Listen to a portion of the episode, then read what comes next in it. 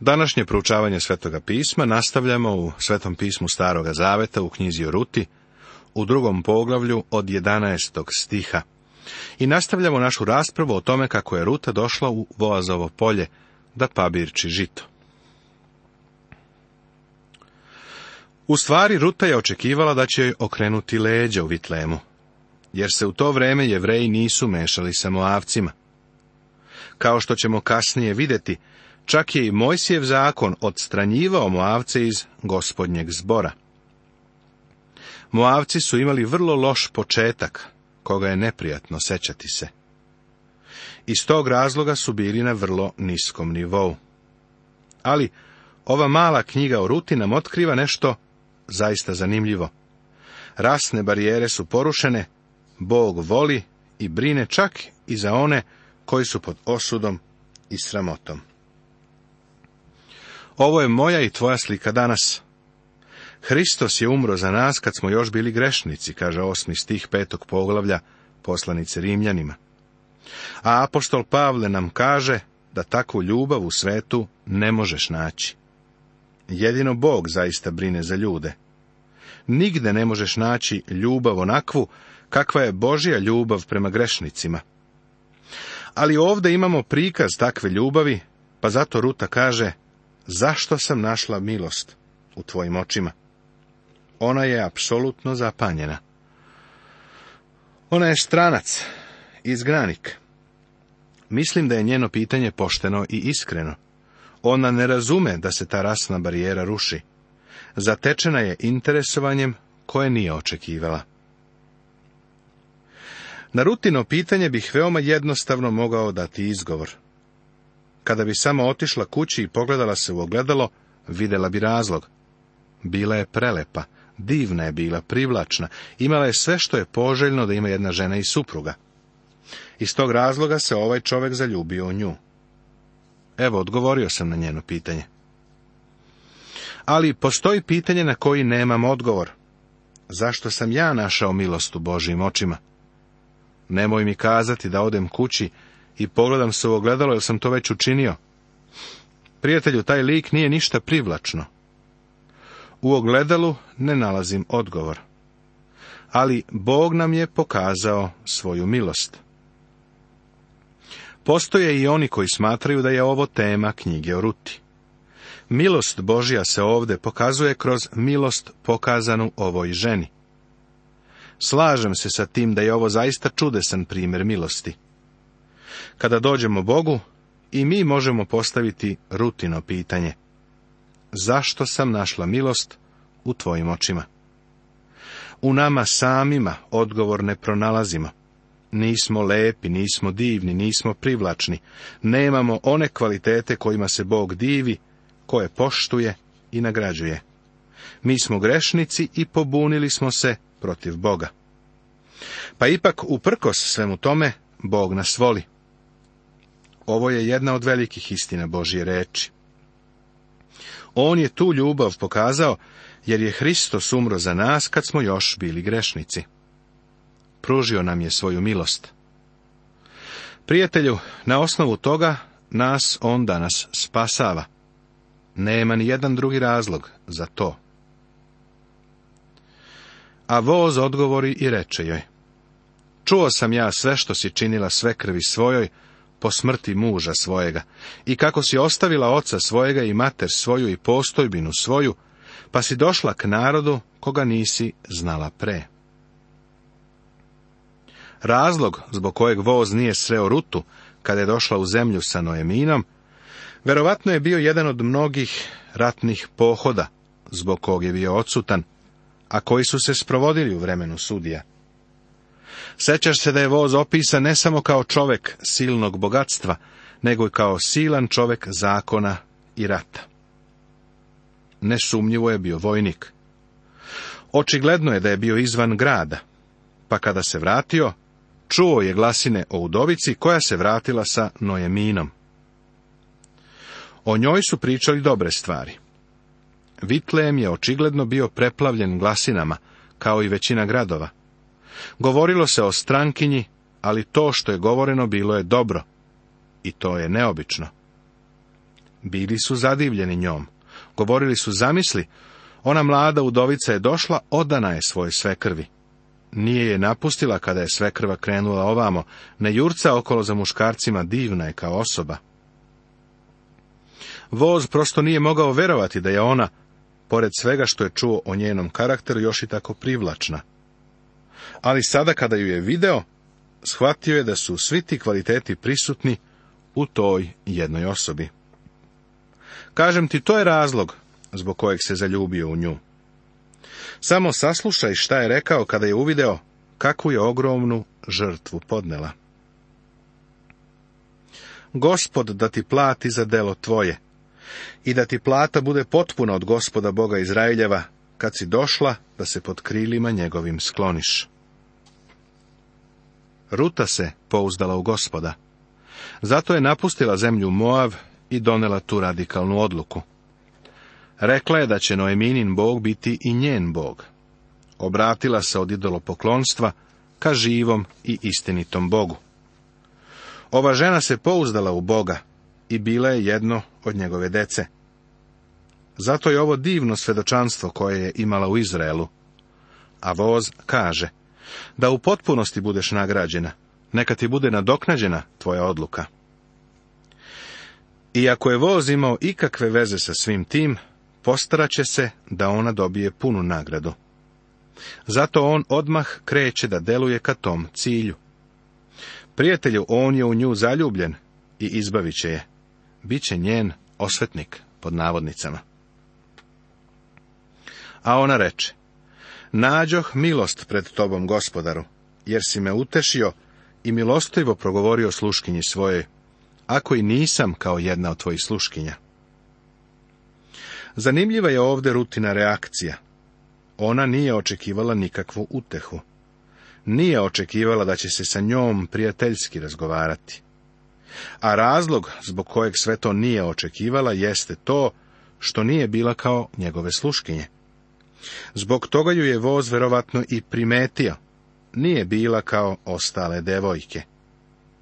Znaš, danas živimo u društvu koje veoma mnogo govori o tome da treba da budemo individue i da imamo sobstveno mišljenje. Pre izvesnog vremena imao sam neformalnu diskusiju sa grupom studenata. Želeli su taj razgovor, pa sam se susreo sa njima. To je doba kada se u srcima dešavaju važne i velike stvari. Ti mladi ljudi su bili u pobuni, jer su olabavili stare postojeće veze i oslobađali su ih se. Bog nas je namerno takve stvorio, ali mi to ne želimo.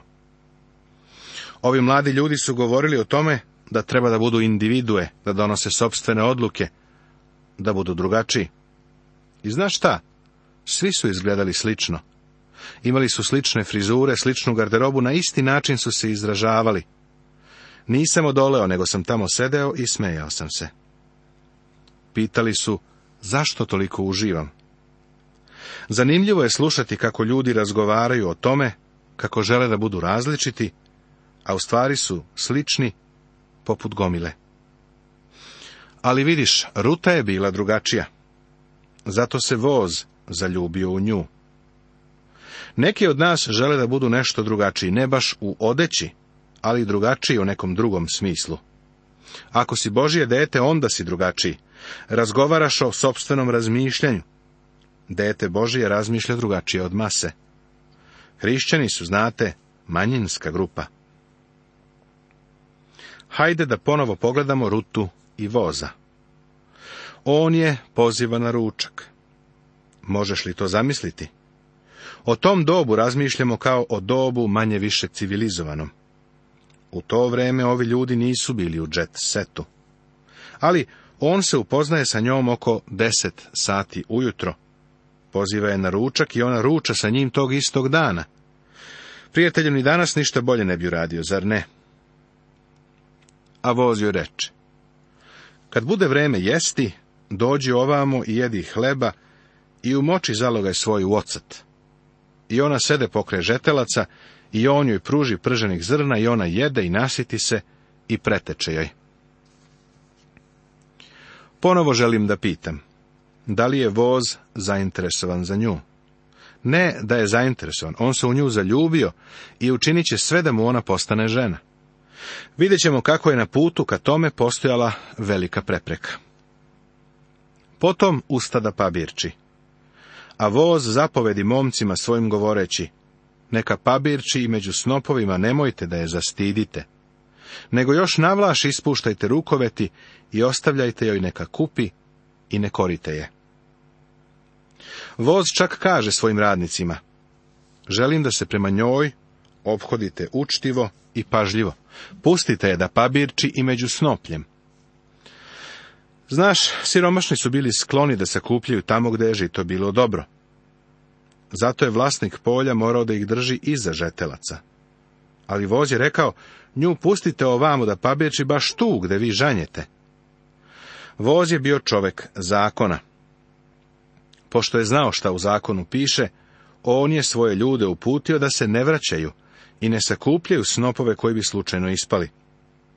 Sada je spreman i na korak dalje, zato kaže, kad vidite da ruta pabirči neposredno iza vas, a kad niko ne bude gledao, ispuštajte snopove i idite dalje. Kada dođe do snopa, ona će pozvati, ej, ej, ispustio si snop.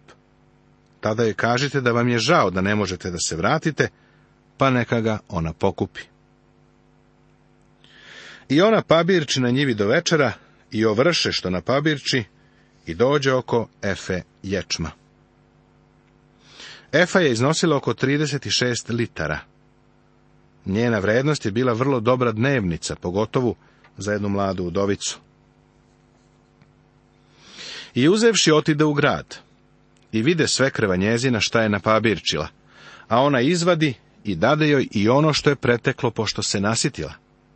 I reče joj svekrva, gde si pabirčila danas i gde si radila, da je blagosloven koji te je pogledao? A ona kaza svekrvi, svojoj kod koga je radila govoreći, ime je čoveku kod koga sam danas radila voz. Kada je Ruta donela ovu veliku količinu žita, Noemina je rekla, nikada nisam vidjela nešto tako, gde si to danas bila? Neko ti je pokazao preveliku pažnju. I onda Ruta Noemini sve ispriča. Sve do tog trenutka Ruta ne zna ko je voz, ali zna Noemina. A Noemina reče snasi svojoj, Gospod, da ga blagoslovi, kad nije uskratio milosti svoje ka živima i k mrtvima. I reče je Noemina, ta je čovek nama rod, jedan od osvetnika naših. Rijevrejska reč goel ili rođak izbavitelj ili osvetnik, kako piše kod nas, je drugi za nas neobični zakon, jer mi nemamo ništa slično. Ali ovo je bio Božiji način zbrinjavanja njegovog naroda. Vidiš, Bog je dao zakon za zemlju i za ljude. Mojsijev zakon je bio divan i čudesan za to vreme i za tu zemlju. Ruta je zaista otišla u pravo polje, jer je ovaj čovjek njen osvetnik. Ovdje u knjizi o Ruti vidimo na delu zakon o osvetniku. U Izraelu ne vidimo kako je zakon uvek na delu, ali nam ova malena knjiga osvetljava zakon o osvetniku, kao i još druga dva zakona koja smo spomenuli kao nama neobična. Jedan od njih je ono na osnovu čega je Bog zbrinjavao siromašne. Bio je to neobičan način. Bog im je dozvoljavao da idu u polja i vinograde i da pabirče, nakon što je vlasnik polja već poslao svoje žeteoce i skupljače kroz polja. Bio je to divan način pomoći, jer je mnogo useva ostajalo. Pre nekoliko godina imao sam privilegiju da održim sastanak u Turloku u Kaliforniji neposredno posle berbe grožđa. Vlasnik veoma velikog vinograda je saznao da ja volim grožđe, pa mi je rekao da odem u vinograd i poslužim se. Tako smo pastir i ja otišli tamo. Vlasnik nam je rekao da su oni već obrali grožđe i da mi možemo da uzmemo sve što je preostalo. Prijatelju, samo da sam imao kamion od deset tona. Siguran sam da bih uspio da ga napunim sa preostalim grožđem. Zavjerivali smo ispod lišća, tu pronalazili ogromne, divne, sočne grozdove. Rekao sam pastiru, ti i ja pabirčimo. Mislim da koristimo naše pravo jer smo siromašni propovednici, pa ovako sprovodimo deo Mojsijevog zakona. Božiji način zbrinjavanja siromašnih uticao je na to da se očuva njihovo dostojanstvo kroz to što im je davana prilika da zarade ono što su dobijali. Ovdje u našoj priči o Ruti susrećemo se sa zakonom o osvetniku, odnosno rođaku izbavitelju.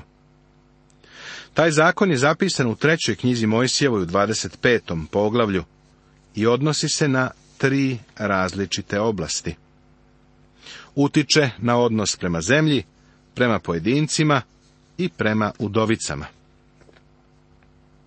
Voz je bio rođak Noemininog muža, čoveka koji se zvao Elimeleh, što znači moj bog je car. Smatram da su Elimelehov i Vozov otac bili braća, pa su njih dvojice tako bili rođaci. Zato možemo reći i da je Voz bio rođak prvog Rutinog muža. Noemina priča Ruti da je Voz jedan od njihovih osvetnika. Ova jevrejska reč Goel je naglašena, istaknuta, Šta to znači? Hajde da pogledamo ovaj zakon u odnosu na zemlju. Ali da se zemlja ne prodaje za svagda, jer je moja zemlja, a vi ste došljaci i ukućani kod mene. Zato po svoj zemlji države vaše neka se otkupljuju zemlje, zapisane u trećoj knjizi Mojsijevu i 25. poglavlju. Kako je Bog mogao ovo da uradi? Ako osiromaši brat tvoj i proda nešto od baštine svoje, a posle dođe ko od roda njegova, najbliži njemu da otkupi, neka otkupi što brat njegov prodade. Ovo je zakon o osvetniku u odnosu na zemlju. Hajde da ga vidimo na delu. Kada su ovi ljudi došli u zemlju, Bog im je dao obećanu zemlju. I ona je postala njihova. Ali oni su je nastanjivali samo kada su bili verni Bogu, kada su bili neverni, Bog ih je izbacivao iz zemlje. Bog je rekao, ta zemlja je moja, ali vam je dajem u trajno, večno vlasništvo. Dao im je pravo vlasništva na tu zemlju i oni to pravo i danas imaju. Bog ih je nastanio u toj zemlji prema plemenima. Određeno pleme je posjedovalo određeni deo zemlje. Možda u svojoj Bibliji imaš mape koje pokazuju podelu zemlje među izraelskim plemenima. Svaka porodica unutar svakog plemena je posjedovala opet određeni deo zemlje i nije smela da ga napušta. Ali pretpostavimo da je neko osiromašio, možda je dve ili tri godine letina bila loša. Glad je inače dolazila zbog njihove nevernosti Bogu. Zato je čovjek morao da se reši zemlje. Pa sada, on ima bogatog komšiju, koji tu vidi priliku za hipotekom. Zemlju može da zakupi na 50 godina, jer u toku oprosne godine opraštala se svaka hipoteka i zemlja se vraćala izvornom vlasniku. Ovim zakonom zemlja se sačuvala u porodici. Ali između oprosnih godine je dug period.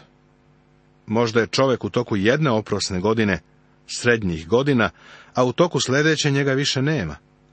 Tako, ako je on prodao svoje imanje, onda ga za svoga života neće povratiti, ali će ga dobiti njegov sin. Pretpostavimo da taj čovjek ima bogatog rođaka i da mu taj rođak dođe sa željom da mu pobogne. Taj bogati rođak može odmah da isplati hipoteku i da obnovi vlasništvo na zemlji još pre oprosne godine. Pretpostavljam da u oprosnoj godini svi oni koji su opraštali da su istovremeno bili i nagrađeni za sve što su uložili u zemlju. Bio je to božji metod. Bilo bi divno imati bogatog ujaka, zar ne? Bilo bi divno imati takvog otkupitelja, osvetnika. Ovo se odnosilo ne samo na imanje, nego i na ljude. Ako li se obogati došljak ili gost koji živi s tobom, a brat tvoj osiromaši kod njega, tako da se proda došljaku koji živi s tobom, ili kome god od tuđeg roda kad se proda, može se otkupiti. Kogod od braće njegove, neka ga otkupi, kaže treća knjiga Mojsijeva. Možda bi se čovjek našao baš u nezavidnom položaju. Ne samo da je izgubio imanje, nego su zahvaljujući gladi i suši u zemlji njegova deca gladna, pa se on prodaje u ropstvo da bi prehranio porodicu.